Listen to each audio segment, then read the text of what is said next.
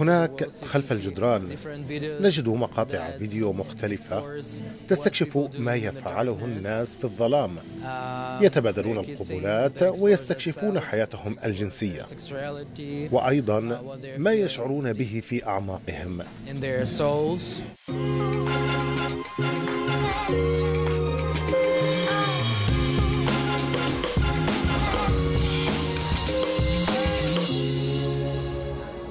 في تشكيلة الأزياء الراقية لصيف 2023 سنكتشف الجانب الخفي للمصممين. استكشاف يؤدي إلى الإبداع. إيفان فلوروف شاب أوكراني يعمل في هذا المجال منذ عشر سنوات. معظم تصميماته من الأزياء الراقية. أبحاثه تركز على ميلنا للبحث عن مصدر رغباتنا ليس فقط الجنسية من خلال التفاعلات الاجتماعية.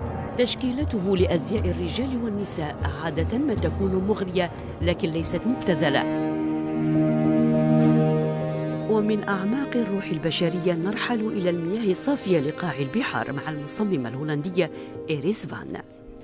This collection was really about female empowerment.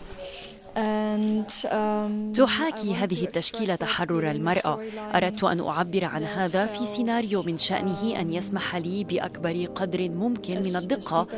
الوصول إلى لب الموضوع. وأردت التعاون مع شخص يجسد هذه القوة الأنثوية حقا. لقد رأيت عمل جولي جوتيه منذ بضع سنوات وقد ألهمتني وبعد ذلك كان لدي حلم آخر لفترة طويلة. أصمم تشكيلة لبيئة معينة الأماكن التي تنعدم فيها الجاذبية مثل البحر أو في أعماق البحار.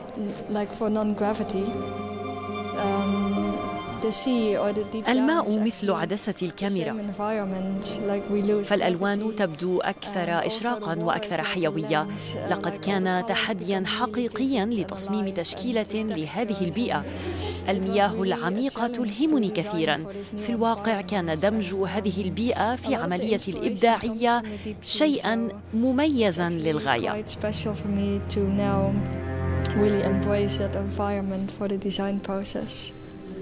نعم عودة مرة أخرى إلى اليابسة مع الياباني يوي ناكازاتو الذي يجوب العالم بغية العثور على النقاط المشتركة بين ثقافة الأزياء اليابانية والثقافات التقليدية الأخرى وهو ما تحقق له خلال رحلة إلى القارة الإفريقية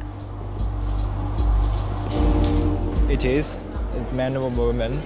So uh, that's kind of because you know Japanese kimono طبعا الرجال مثل النساء.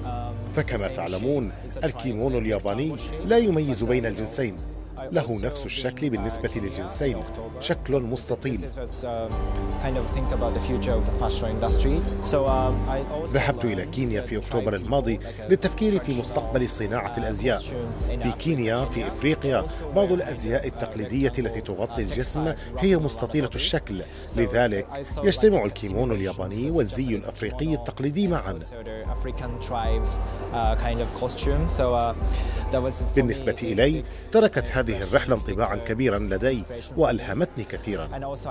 ذهبت أيضا إلى جبل القمامة في نيروبي صنع بشري. لذلك قمت بخلط كل ذلك الجزء الإيجابي من الإنسان. قمت بفرزه ثم عبرت عنه في تشكيلتي.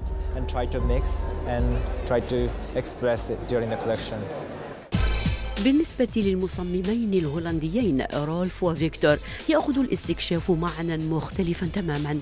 أطلقا اسم رقصة الفالس في المرحلة المتقدمة من الرأسمالية على تشكيلاتهما. يستمتع الثنائي في استخدام كلمات السخرية مثل ما يستخدمان المقص إنها مقاربة سخيفة للصورة النمطية للمبتذلين.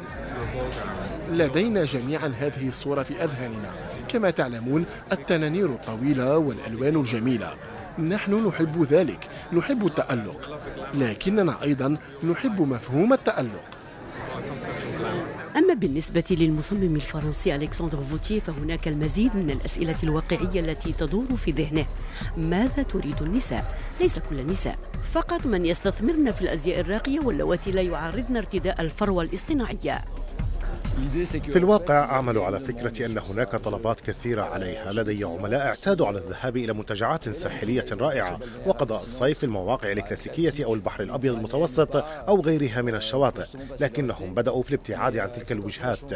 في الصيف يتجه العديد منهم الآن إلى أماكن باردة في الشمال حيث تبلغ الحرارة خمس درجات مئوية في شهر أغسطس. كان هناك شيء من تغيير العادات.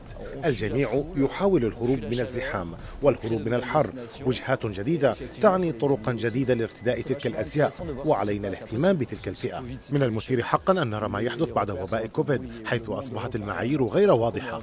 هناك الكثير من القلق. أشخاص على وسائل التواصل الاجتماعي يقترحون نفس المدن نفس الأماكن. مع ذلك هناك انعكاس في السلوك. سري نوعا ما لكنه مثير للاهتمام. استكشاف الذات والآخرين لتقديم أشياء جميلة ومسلية وحتى سخيفة وهو تعريف آخر للأزياء الراقية.